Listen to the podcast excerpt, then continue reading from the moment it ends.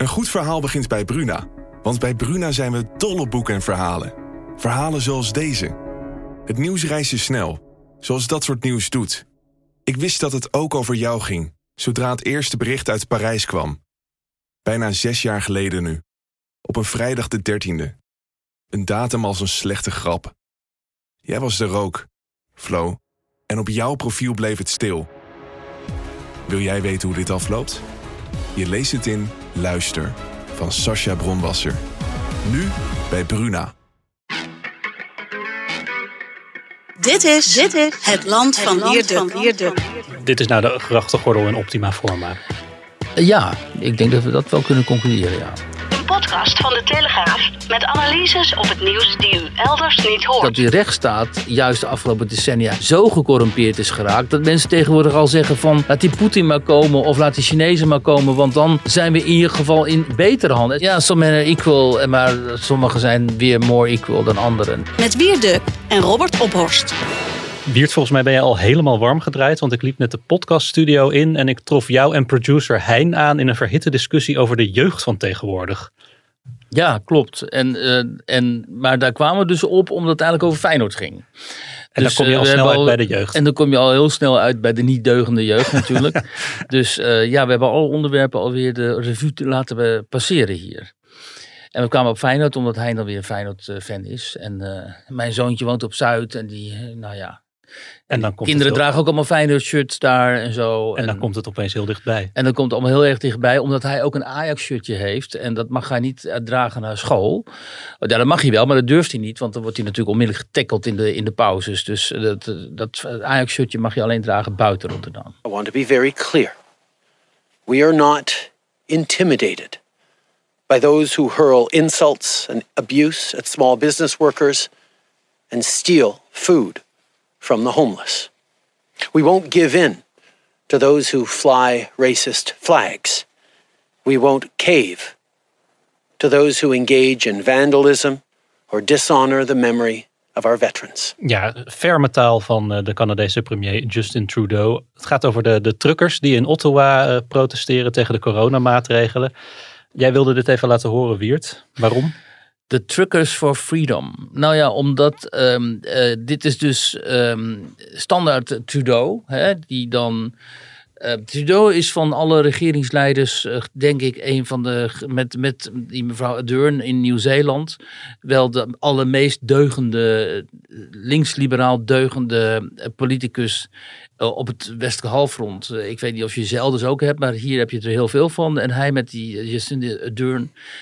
Die spannende kroon. Hadden eigenlijk een soort paar moeten zijn, dat denk ik dan opeens. Maar goed, dat is een beetje associatie. Maar ehm, wat hij doet dus, is altijd spelen op het sentiment van ehm, de goede gemeente. En hij deinst er ook helemaal niet voor terug om eh, de werkelijkheid te verdraaien. Dus de feiten naar zijn hand te zetten. En in dit geval van die truckers werd dat wel heel erg duidelijk. Want wat was er nou aan de hand? Hè? Een aantal... eh, Truckers, lang niet allemaal, maar een groot gedeelte van de Canadese truckers, die zijn niet mee eens dat zij dus gevaccineerd moeten worden als zij die grens met de Verenigde Staten eh, overschrijden. Dat Ja, volgens dan- Trudeau zelf is trouwens 90% wel gevaccineerd en het dus er wel mee eens. Ja, dat, dat bedoel ik inderdaad te zeggen. Dus een klein deel van die truckers die, eh, is het daar niet mee eens. En die kwam dus eh, in opstand, zeg maar, de afgelopen week.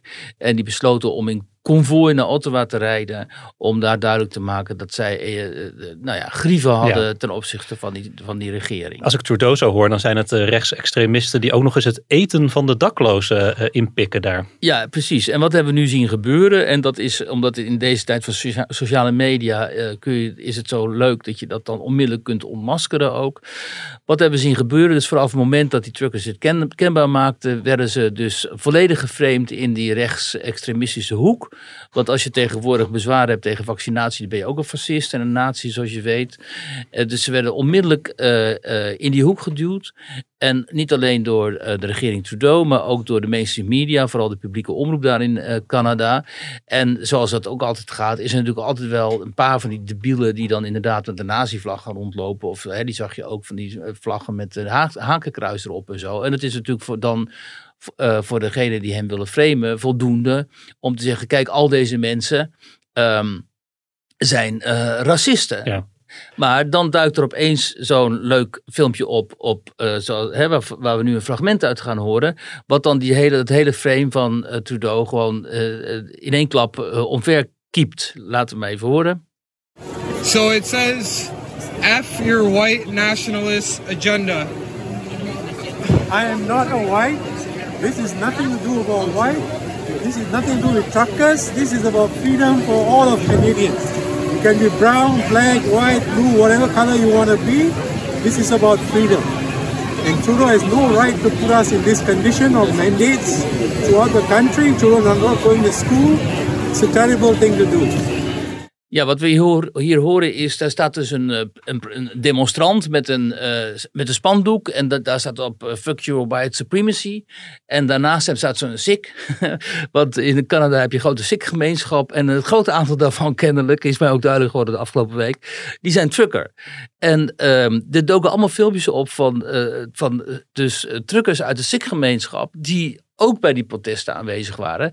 En die natuurlijk zeggen: kijk eens, um, uh, hoe, hoe kunnen wij racist worden genoemd? Want dan zouden wij hier toch uh, last van moeten hebben van onze collega's. Maar dat hebben we helemaal niet. Integendeel, dus wij zijn gewoon met z'n allen uh, solidair. maar als je een, een Sikh bent of uit de Sikh-gemeenschap komt, kan je toch zelf ook wel een racist zijn? Het een sluit het ander niet uit, bedoel ik. Nee, maar goed, jij, zeker de Sikhs, maar goed, die zijn hè, die, in, die, in dat hele kastensysteem en zo, er valt wel het een en ander over te zeggen. Maar er waren ook gewoon zwarte, natuurlijk heb ik ook gezien. Je zag het, alle lagen van, van de etnische uh, groepen zag je daar mensen aanwezig, ook bij die demonstraties. En nergens is het naar mijn weten tot ongeregeldheden of tot geweld te komen, wat, gekomen. Wat Trudeau hier dus wel suggereert.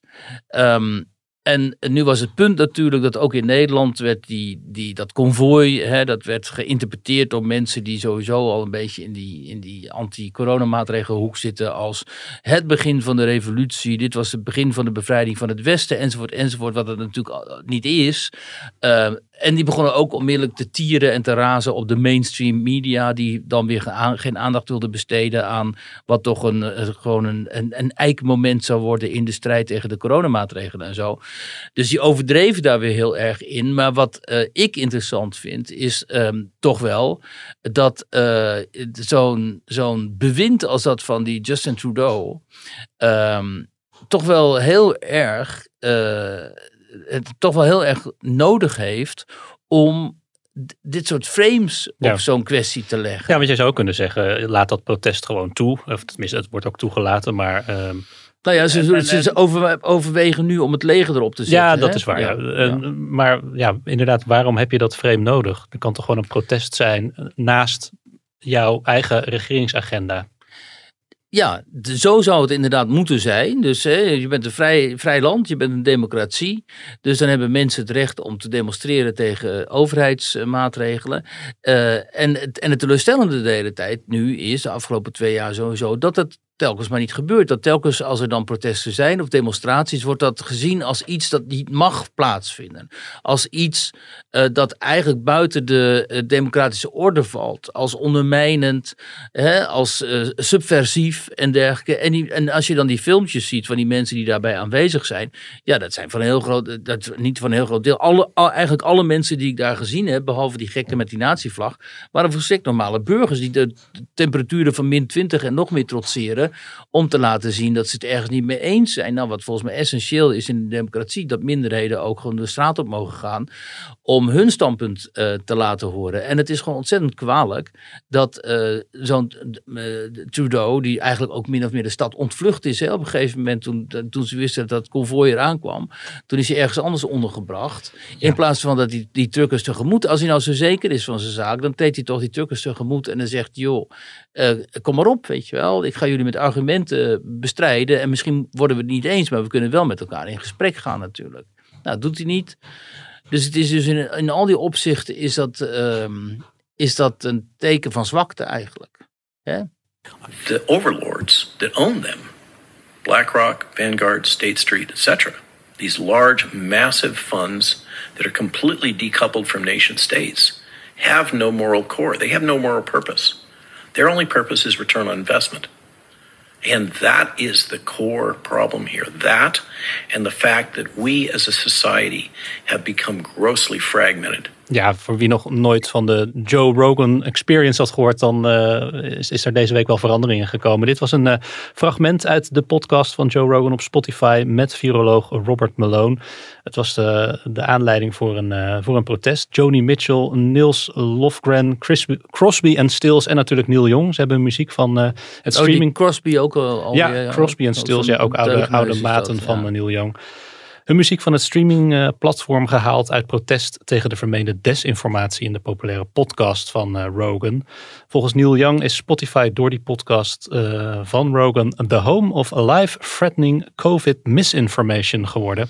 En de zanger roept andere artiesten en platenmaatschappij op om zijn voorbeeld te volgen.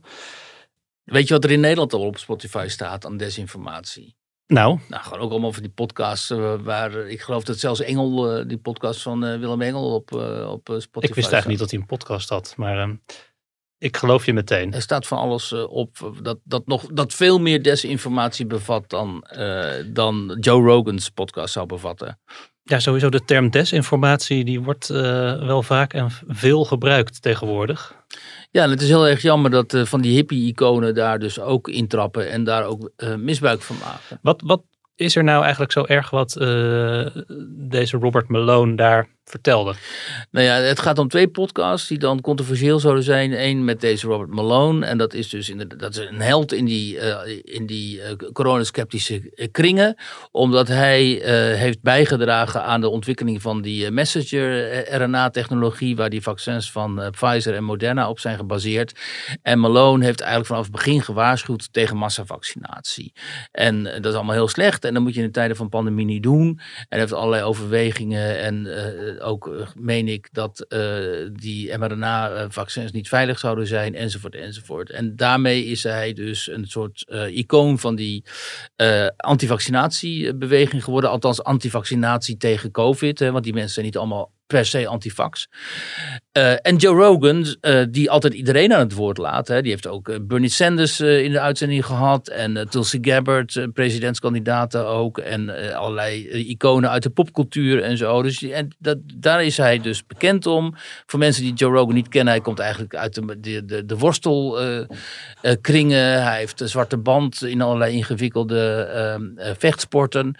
hij is stand-up comedian geweest. Hij heeft eigen programma's gepokt en gemazeld in die sportwereld en in het entertainment-industrie. Maar hij is niet een journalist. Nee, en, en, ook, en ook geen deskundige op het gebied van virologie. Op allerlei gebieden geen deskundige, maar hij is wel enorm nieuwsgierig. En het goede aan hem is dat hij zowel links als rechts aan het woord laat. En ook mensen die buiten de tegenwoordige marges van het debat vallen. Dus hij, hij heeft geen taboes.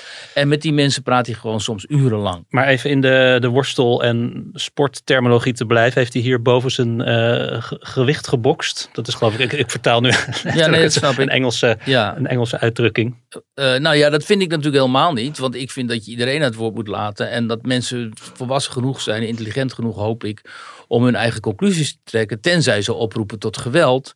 En dan moet je, dat, dat, dat, dan moet je natuurlijk niet uh, in je uitzending ja. of in je krant hebben. Nou zegt Neil Jong, uh, de, de gemiddelde leeftijd van de Spotify-luister is ongeveer 24 jaar. Dat zijn, dat zijn jonge mensen die nog beïnvloedbaar zijn. Uh, en hij, wil, hij is bang dat zij, zoals hij dat dan noemt, aan de, on the wrong side of truth terechtkomen door dit soort podcasts.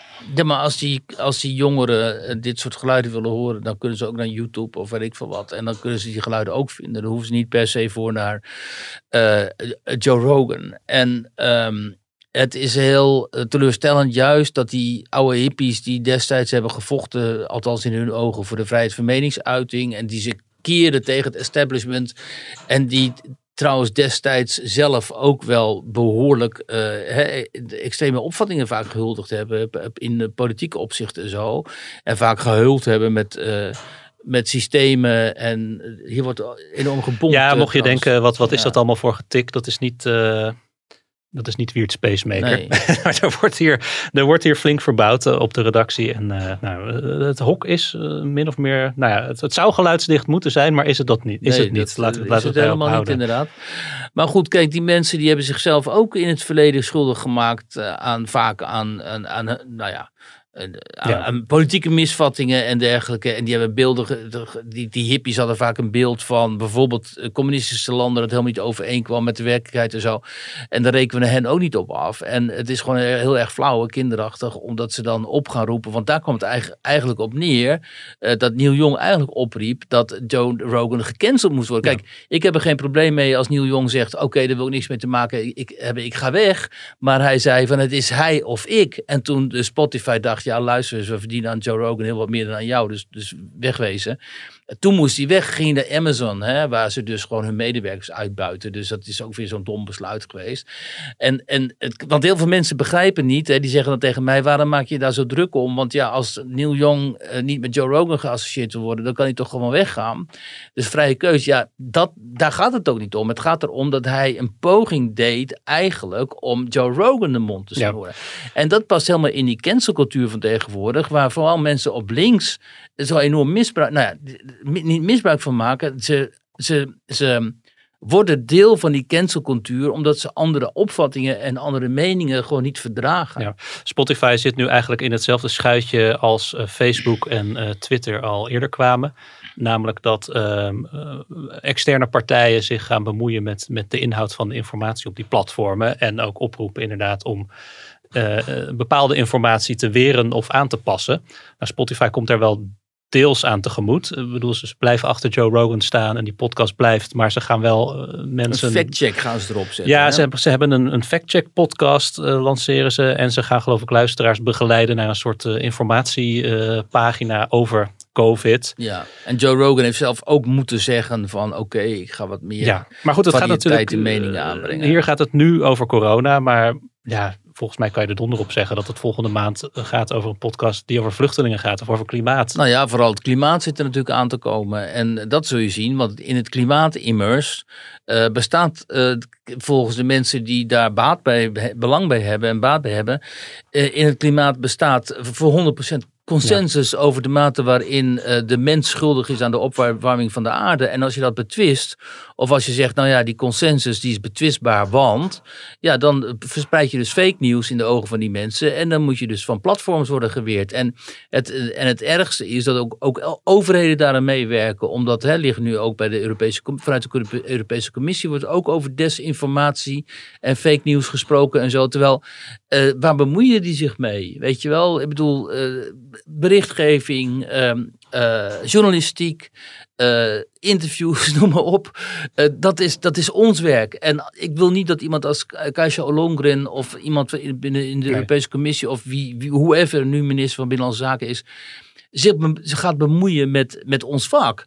Hè, daar zijn wij voor opgeleid en zij niet. En van- als je vanuit de politiek inderdaad dit soort geluiden komen over fake news en zo, nou, dan weet ik wel waar, de- hoe, eh, welke kant dat op gaat. Dat gaat namelijk de kant op van gewoon onwelgevallige anti of contraire meningen die vaak ook Ja. gewoon gericht zijn tegen het eh, establishment.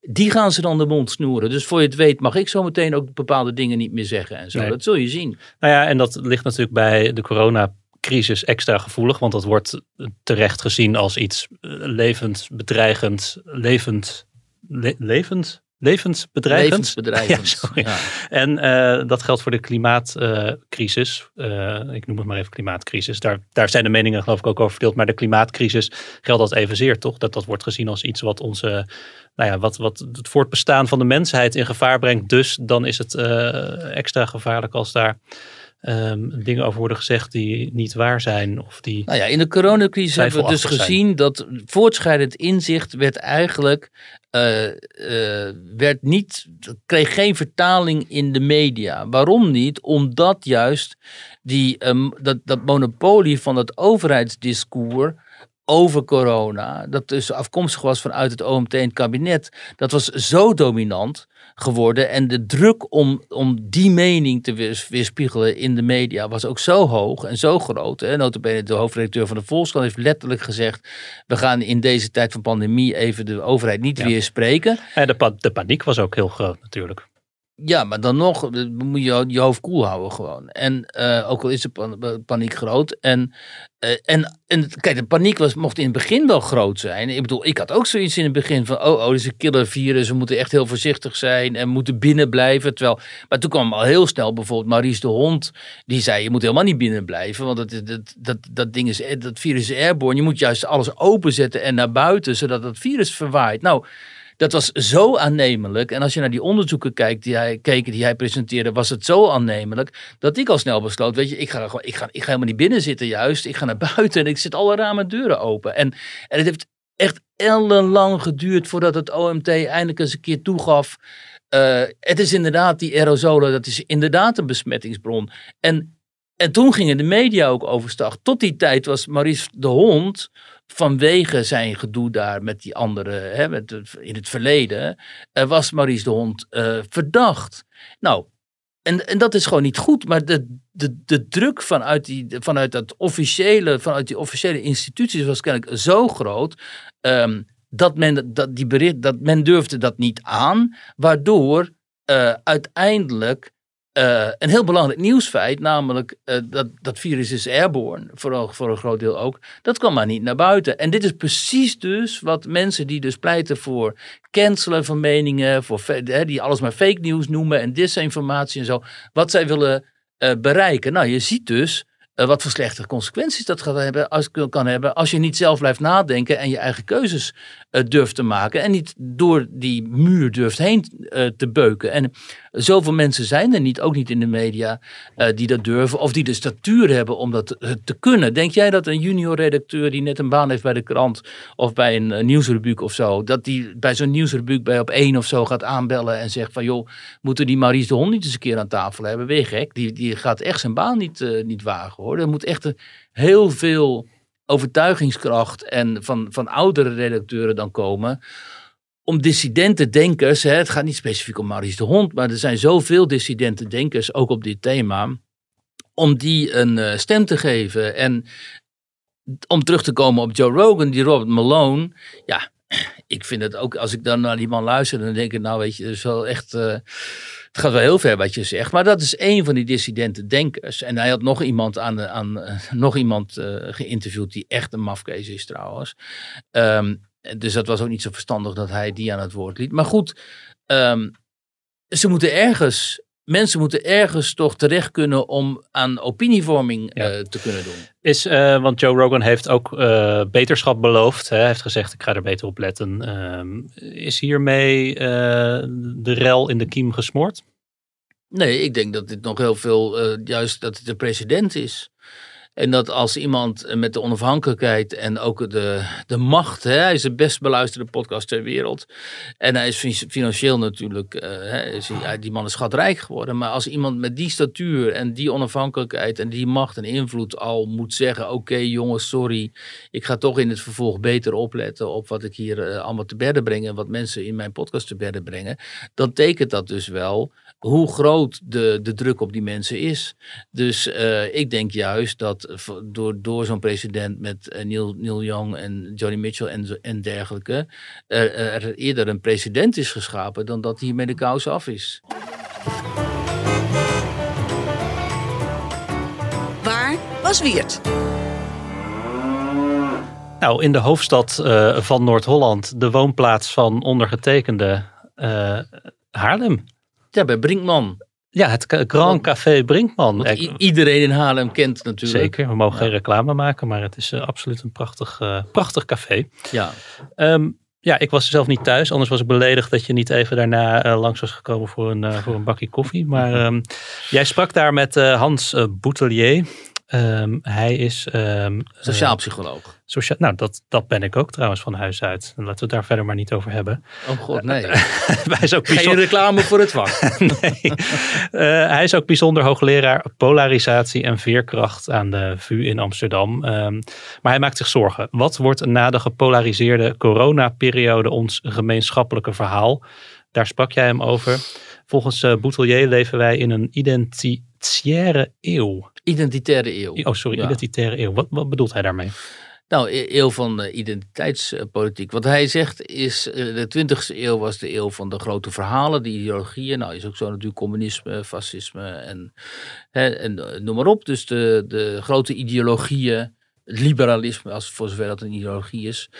Um, en die zijn uh, verdwenen en daarvoor in de plaats uh, is dan eigenlijk identiteitspolitiek nu gekomen. En het grote verschil is, zegt hij, vroeger definieerde je jezelf vanuit uh, het collectief. En nu identificeer je, of definieer je jezelf via jouzelf. En je kijkt van wat ben ik? Hè? Oh, ik ben zwart, of ik ben homoseksueel, of ik ben zus.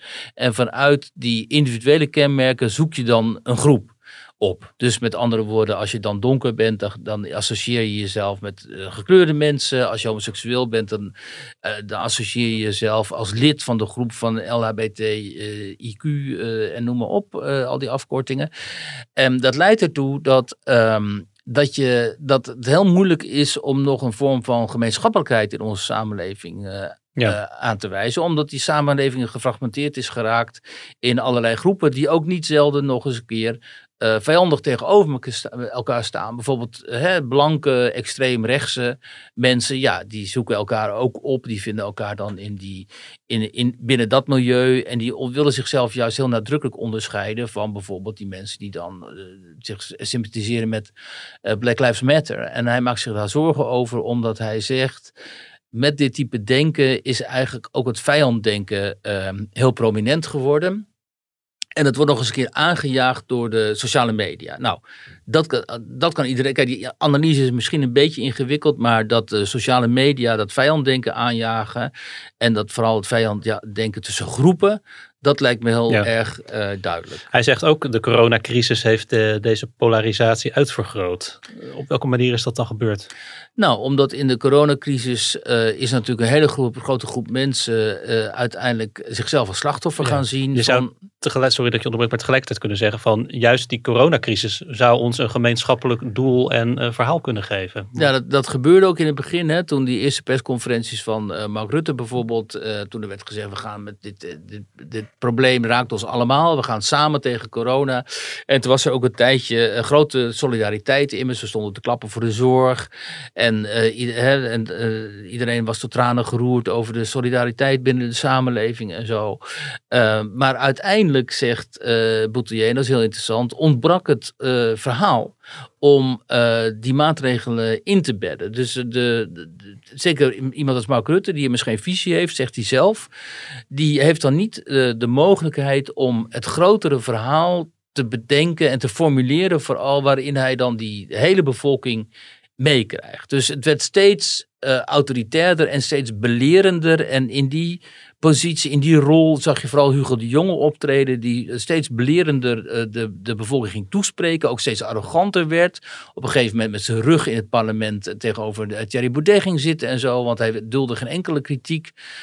Zeker geen extremistische kritiek zoals die van Baudet. Um, en met andere woorden, die overheid die werd in de ogen van heel veel mensen een soort arrogante, belerende instantie die hen voortdurend uh, uh, bemanend toesprak, omdat wij zogenaamd in de ogen van die overheid niet deden wat, wat die wilden. En in plaats van dat, dat de overheid dacht, oh we krijgen die mensen niet mee, gingen ze zeggen, ja maar je moet. Nou dat moet je vooral tegen Nederlanders zeggen. Dus, um, dus begonnen heel veel Nederlanders die kritisch waren op dat beleid en daar niet in mee wilden gaan, die begonnen zich te voelen als slachtoffer. En Boutelier is ook iemand die het eigentijdse slachtofferschap heeft onderzocht, wat ook heel interessant is, omdat, uh, zegt hij, onze samenleving, onze liberale samenleving, hij is een linkse man. Hè? Dus hij, komt, hij, hij is kritisch op het neoliberalisme.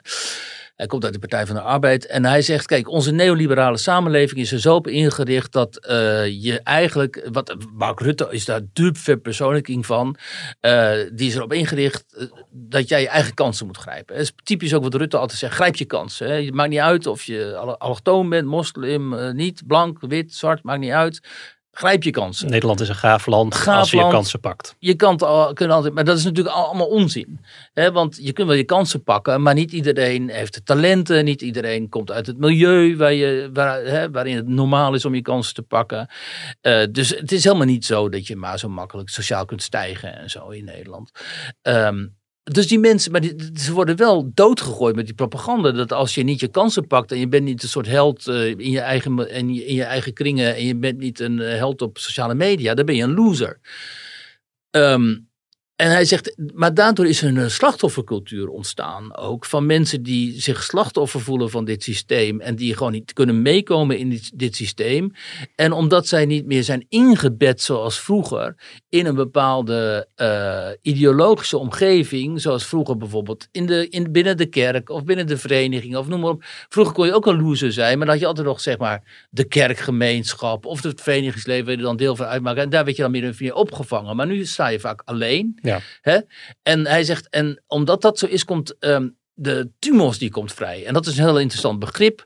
Dat is de geldingsdrang. Hij zegt. Een Griekse um, term. Ja, dat, heeft, dat is een begrip, begrip, van de filosoof Plato. En dat is later ook uitgewerkt door uh, Fukuyama, weet je wel. Van uh, het einde van de geschiedenis en de laatste mens. Uh, die gebruikt ook het begrip tumos. En um, dat is een soort, een soort emotie tussen lust en ratio. En het betekent eigenlijk dat ieder mens de enorme wil heeft om uh, gezien te worden. Ambitie. Ambitie, erkenning, geldingsdrang. Maar als hij niet is inge... En hij zegt vooral, uh, hij liet, zegt, kijk maar naar die topsporters, die hebben dat in extremis natuurlijk. Uh, maar als, als die tumors niet is ingebed, dan kan die een soort woest dier worden. Dat heb je gezien op 6 januari toen bijvoorbeeld bij die uh, bestorming van het Capitool. Hè, toen heeft Trump eigenlijk uh, heeft bij grote delen van zijn aanhang een soort die destructieve tumors zeg maar aangemoedigd. Hè? Daar kwam het inderdaad wel op neer natuurlijk. Uh, nu gaan heel veel luisteraars weer zeggen... nee, Trump heeft dat helemaal niet gedaan. Maar ja, goed, in alles was die samenleving natuurlijk zo gepolariseerd... dat dit bijna de uitkomst... Die hele samenleving stond onder invloed van die tumors eigenlijk. Ook aangewakkerd door de liberale media... en aangewakkerd door het kamp van Trump. En uiteindelijk moest dit wel de, uit, de uitkomst uh, zijn. Ja.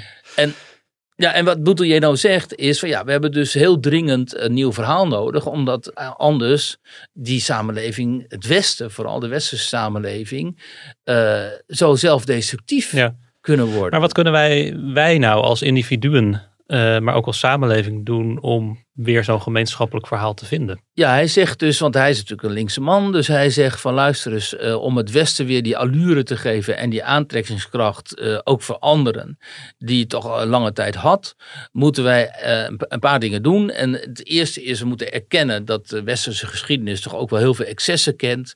Hè, de slavernij, kolonialisme, imperialisme, ja, de, de wereldoorlogen, noem maar op. Die zijn natuurlijk wel in, in Europa gestart.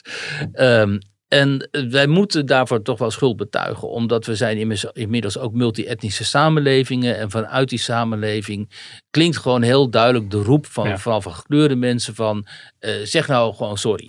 Ik vind dat toch een, een, een lastige analyse in die zin. Stel je, je biedt overal je excuses voor aan, herstelbetalingen, nou uh, ga zo maar door.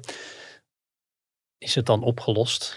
Ik vraag ja, me nee, af. Ik, ik vraag, het ik vraag me af. Bovendien denk ik dat heel veel uh, autochtone Nederlanders zich dan weer slachtoffer zullen voelen. Ja, en dat ziet hij ook wel. En hij zegt ook van, luister eens, ik wil alleen maar constateren en ik wil niet, uh, niet, niet oordelen. En hij constateert dat vanuit die gekleurde bevolking, uh, dat daar een hele duidelijke wens volgens hem bestaat om op die manier gezien te worden. Dus op die manier erkenning te krijgen voor hun uh, geschiedenis als groep.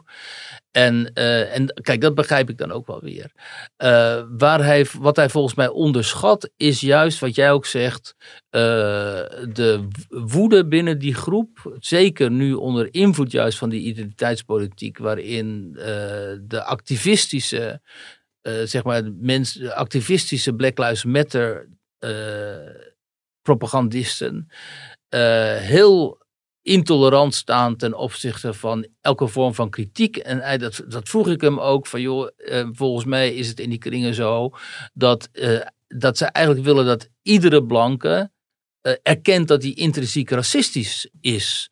Maar ja, hij ziet, hij ziet dat niet zo. Wat hij zegt is, um, luister, extreem rechts en moslimfundamentalisten, die sluiten andere groepen uit. Dus hun project is, bestaat eruit om anderen uit te sluiten. Dus extreem rechts wil gewoon geen. Ja, als, als het nou ergens aan een gemeenschappelijk verhaal ontbreekt, dan is het daar wel. Ja, precies. En hij zegt van, en uiteindelijk het doel van die beweging die dan rond Black, Black Lives Matter is ontstaan, is niet anderen uitsluiten, maar zelf meer uh, integreren, zelf meer gezien en herkend te worden door die dominante samenleving. Dus hij zegt, ze wijzen artikel 1 niet af.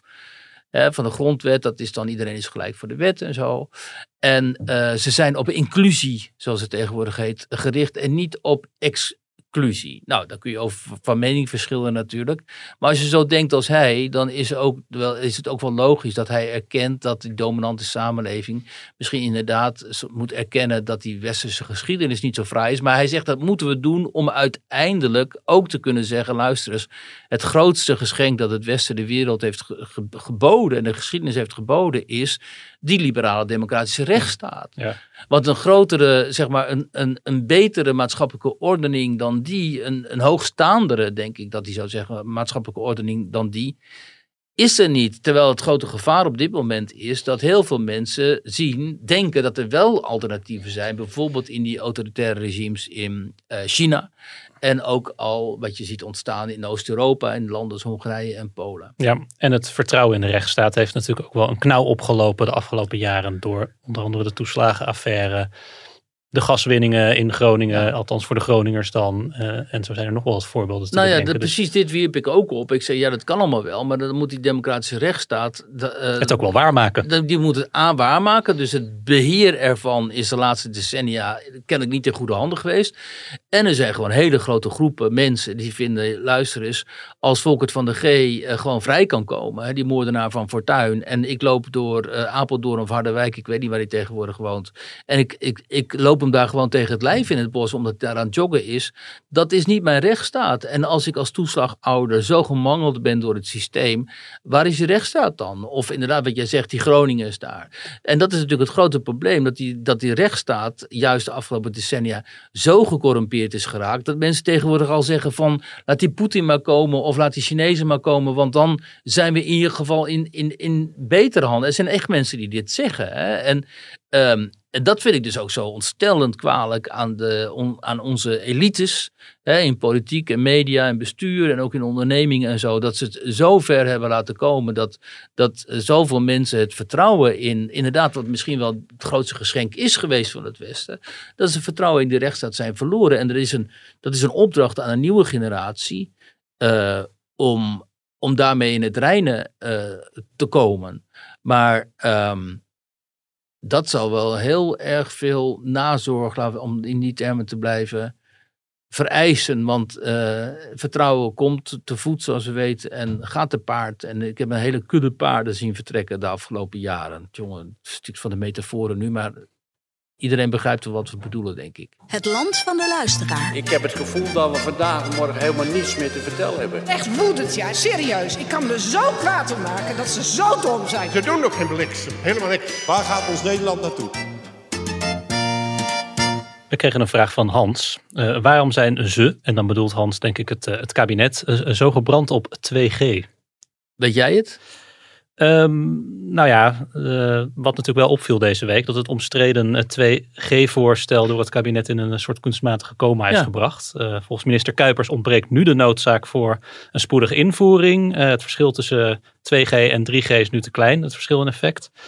Ehm, hij heeft daarom gevraagd de Tweede Kamer de behandeling van de wet aan te houden. Uh, maar van uitstel komt nog geen afstel. Want Kuipers wil opnieuw laten onderzoeken in welke omstandigheden ho, 2G ho. kan worden ingezet. Hadden de knappe koppen van de TU Delft niet gezegd van joh, die 2G, dat het, is gewoon een heel... Maximaal 15% dempend effect. Maar dan, ja. Dat, nou ja, die maximaliteit die haal je eigenlijk nooit. Dus, dus Kuipers wil nu meer onderzoeken eh, laten doen en uh, in de tussentijd de wet niet in behandeling nemen. Ja, dan zeggen critici inderdaad van, nou, hij wil het net zo lang laten onderzoeken tot er een uh, hem welgevallige uitkomst uitkomt. En daar, ik denk dat of hij wil het net zo lang onderzoeken totdat je via die 2G ook mensen met een te hoge CO2-footprint uh, kunt weren uit vliegtuigen bijvoorbeeld. Hè? En is dat dan de reden, denk jij, waar Hans ook naar vraagt? Waarom ze er zo op gebrand zijn om het toch uh, achter de hand te houden? Ik denk dat Hans uh, precies om die reden en om die argwaan daarnaar vraagt. En dat is ook helemaal terecht omdat uh, er geen enkele reden meer is, en dat blijkt ook uit het onderzoek van de TU Delft, om nog zo in te zetten op die 2G. Nu met Omicron toch alles heeft veranderd, de hele situatie heeft veranderd. En, je, en ik zou zeggen als overheid, um, wil je niet nog meer wantrouwen voeden. Er zijn al heel veel mensen die denken van die hele, uh, die hele formalisering rond uh, 2G en het inperken van onze vrijheden, ook via de coronaspoedwet. Dat is er uiteindelijk niet op gericht om de volksgezondheid te verbeteren, maar is er uiteindelijk op gericht om de burgers meer te kunnen controleren. En die gaat ook uiteindelijk, hè, die coronapas, het wordt uiteindelijk een ja. soort van klimaatpas of zo. En die, dat soort gedachten, die moet je gewoon niet willen voeden. Daarom zou het veel veel beter zijn als de Nederlandse regering, net zoals in navolging van andere landen had gezegd, oké, alle, alle restricties gaan nu van tafel. Ja, maar tegelijkertijd zou je kunnen zeggen, wij hebben de afgelopen tijd in een, uh, zo'n beetje als enige in Europa nog een hele strenge lockdown gezeten. In, andere landen, in andere landen kon je gewoon naar de discotheek uh, s'nachts. Zij het met gebruik van 2G. Uh, dus het is misschien ook de taak aan ons kabinet en aan de Kamer om te zorgen dat we dit soort middelen kunnen inzetten zodra het weer kan. Of zodra het weer moet, als er dus bijvoorbeeld een nieuwe variant komt. Um, zodat we niet zijn uh, overgeleverd aan die stomzinnige lockdowns de hele tijd. Ja, maar dan ga je ervan uit dat, uh, dat uh, na Omicron er nog zo'n variant komt, waardoor zo'n lockdown misschien wel weer. Uh, we kunnen het niet uitsluiten. En we, we, laten ons steeds als Nederland verrassen door de ontwikkelingen van het virus. En in tegenstelling tot andere landen zijn we ook steeds niet goed voorbereid. Ja, maar andere landen, hè, in andere landen wordt al lang weer gewoon doorgeleefd. Ehm, en, en spelen dit soort discussies helemaal niet meer. Um, dus je kunt er, dat hangt er maar helemaal vanaf op welke manier je hiernaar wilt uh, kijken. Maar ik zou met alle voorzichtigheid die we zeker in, in, in, in uh, ogenschouw moeten nemen ook. Uh, en alle sceptisch over hoe dit virus zich eventueel kan ontwikkelen. En misschien ook wel weer in negatieve zin zou ik toch, als ik de politiek was, iets minder nu denken vanuit die uh, opvattingen over uh, dat dit virus weer. Uh, hè, dus ik zou wat minder denken vanuit de opvatting van de epidemiologen en virologen nu. En wat meer vanuit de politiek en de sociologie. En denken, joh we hebben die bevolking nu al twee jaar lang met van alles en nog wat opgeschreven. Met, met name die laatste lockdown is echt heel erg ingrijpend geweest, psychisch voor heel veel mensen. Uh, er is nu ook zo'n onderzoek van de Johns Hopkins eh, University gekomen, wat toch gerenommeerde instituut is, ook waaruit blijkt dat lockdowns eigenlijk helemaal geen zin hebben. TU Delft, dat toch een gerenommeerd instituut ook is, heeft gezegd, joh, 2G en zo leidt ook tot niks in deze situatie. Uh, richt je nu even dan daarop en uh, geef dan de bevolking in ieder geval de indruk dat je de maatregelen die tot nog toe zijn genomen, dat die inderdaad vanuit het oogpunt van volksgezondheid werden genomen en niet vanuit een ander oogpunt. En probeer in ieder geval die verdachtmakingen, uh, als het verdachtmakingen zijn, ehm, te ontzenuwen. En op die manier weer enigszins je geloofwaardigheid ook uh, terug te veroveren. Femke Halsema, burgemeester van Amsterdam, ligt onder vuur door de inhuur van een uh, zogenaamde feestfixer. Ja, ik vind het een mooi woord. Ik had er nog uh, ja, niet eerder van gehoord. Ja. Maar daar zijn we voor bij de T om uh, woorden te bedenken. Ik weet trouwens niet of het Ik denk dat Daniel het had bedacht. Ehm, maar het gaat om Lennart Boy, voormalig PvdA-campagnestratege en medeoprichter van bureau BKB. hij is door de gemeente aangesteld om het feest rond het 750-jarig bestaan van Amsterdam in 2025 te organiseren. Dat deed hij niet gratis. Boy mocht de afgelopen twee jaar maandelijks 10.000 euro exclusief BTW declareren. En daar had hij ongeveer 20 uur werk per week aan. De klus is niet openbaar aanbesteed en uh, daar uh, wringt de schoen nu. Halsema die heeft donderdag, deze donderdag dat wij dit opnemen, smiddags een, een debat in de raad daarover. Vriendjespolitiek vindt de Partij voor de Dieren. Of althans, daar heeft het alle schijn van. Vind jij dat ook? Uh, ja, dat lijkt mij uh, overduidelijk dat dat zo is. Want Boy en Halsema kennen elkaar goed. Had niet aanbesteed hoeven worden, want hij was de, de right man voor de, voor de job, uh, was het argument. Maar is het hier gewoon een oude bekende die wordt ingehuurd? Ze kennen elkaar al heel lang. En, eh, en heel goed. En uh, Leonard Boy is een van de oprichters van het campagnebureau BKW. Waar jij ook wel eens voor ingehuurd bent in het verleden, Ja, geloof ik. Ja, inderdaad. Nou ja, ingehuurd. Ik ben wel met hun op pad geweest, ook voor reportages en zo. En ik heb wel eens praatje gemaakt met die, met die eh, studenten die daar dan, of studenten, ja, die daar dan. Maar dan eh, kreeg jij gewoon een, een, een nuts en een bos bloemen. Geen 10.000 euro. Nee, ik kreeg geen 10.000 euro helaas. Ehm, nee, maar kijk, Leonard Boy is gewoon dus een, een prominent, zeg maar, binnen linkse Amsterdamse kringen. Een van de oprichters van BKB, wat een campagnebureau is. Heel succesvol, eh, hele aardige, leuke mensen ook. Maar ja, gewoon, eh, het zit heel erg in het linkse establishment, zeg maar. In het grachtengordel Amsterdamse linkse establishment. Eh, hij is ook een van degenen die in een groepje zat dat eh Femke Halsema min of meer voorbereidde op het burgemeesterschap. Hè, moet je ook niet onderschatten. Ehm, BKB heeft al eerder eh, vrij grote opdrachten via de Partij van de Arbeid binnengesleept. Ooit eh, destijds toen in Friesland, weet je wel. Toen eh, via Bert Koenders. Waar echt was heel veel geld mee gemoeid. En nu heeft, heeft Amsterdam dus hem aangesteld als de feestfixer voor heel veel geld. Ehm, eh, en, ja, en zonder dat aan te besteden.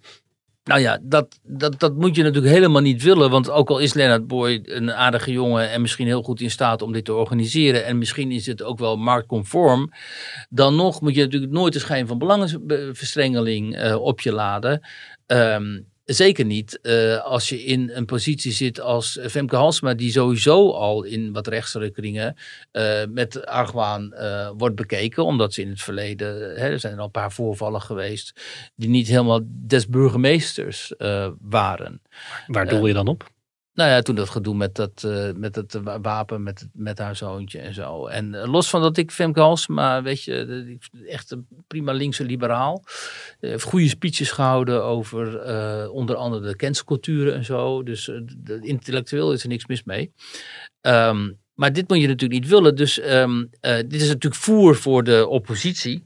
En, eh, en het, het kwalijke eraan vooral vind ik, en dat vindt natuurlijk, vinden natuurlijk de meeste mensen, dat dit soort cliëntelisme, dat vind je toch wel heel erg vaak op links. Omdat, nou ja, to- to- toevallig ook wel omdat links, eh, links-liberaal natuurlijk ook vaak gewoon besturen in gemeentes en zo. Ehm, maar ja, dat is natuurlijk toch iets dat je ten alle tijde moet, eh, moet vermijden. En al- En als het dan zo naar buiten komt, dan is het toch wel weer een smet op, het, eh, op de gemeente. Hè? Ja, want het kwam naar buiten notabene via een, eh of notabene, het kwam naar buiten via een WOP-verzoek van studentenblad uh, Propria Ja, Curis. Propria Curis, ja. Die hadden dus lucht daarvan gekregen. Hoe gaat het aflopen, denk je? Nou ja, met de Sissen natuurlijk. Want ze- kijk. En een prachtig feest in 2025. Ja, men are equal, maar sommigen zijn weer more equal dan anderen. En in deze kringen, eh, deze kringen zijn altijd more equal dan, dan anderen. Dat, dat, dat, dat is ook de ergernis natuurlijk. Als dit, hè, als dit eh, aan de andere kant van het eh, politieke kamp zou gebeuren, dan zou de op, opwinding natuurlijk veel groter Ja. zijn. Dit is nou de grachtengordel in optima forma. Ja, ik denk dat we dat wel kunnen concluderen, ja. Wiert, ik eh, dank jou hartelijk. Het, het hamer is opgehouden. Ik heb nog even gekeken, want ik ben natuurlijk een factchecker of die podcast van Willem Engel inderdaad eh, op Spotify te vinden is. En inderdaad, Viruswaarheid en meer podcast staat pro- prominent op Spotify. Dus als mensen problemen hebben met Joe Rogan. En als ik daar nou op, eh, eh, als ik daar naartoe ga, word ik dan omgeleid naar het COVID, nieuwe COVID-informatiecentrum? Eh, moet, zal ik eens even Of kijken? moeten we dat ook nog even factchecken? Ik geloof het niet. Ik zal even aanklikken. Nee hoor, ik hoor u gewoon, geloof ik, het begin van Viruswaarheid. Kijk, Wiert, dankjewel. Graag gedaan.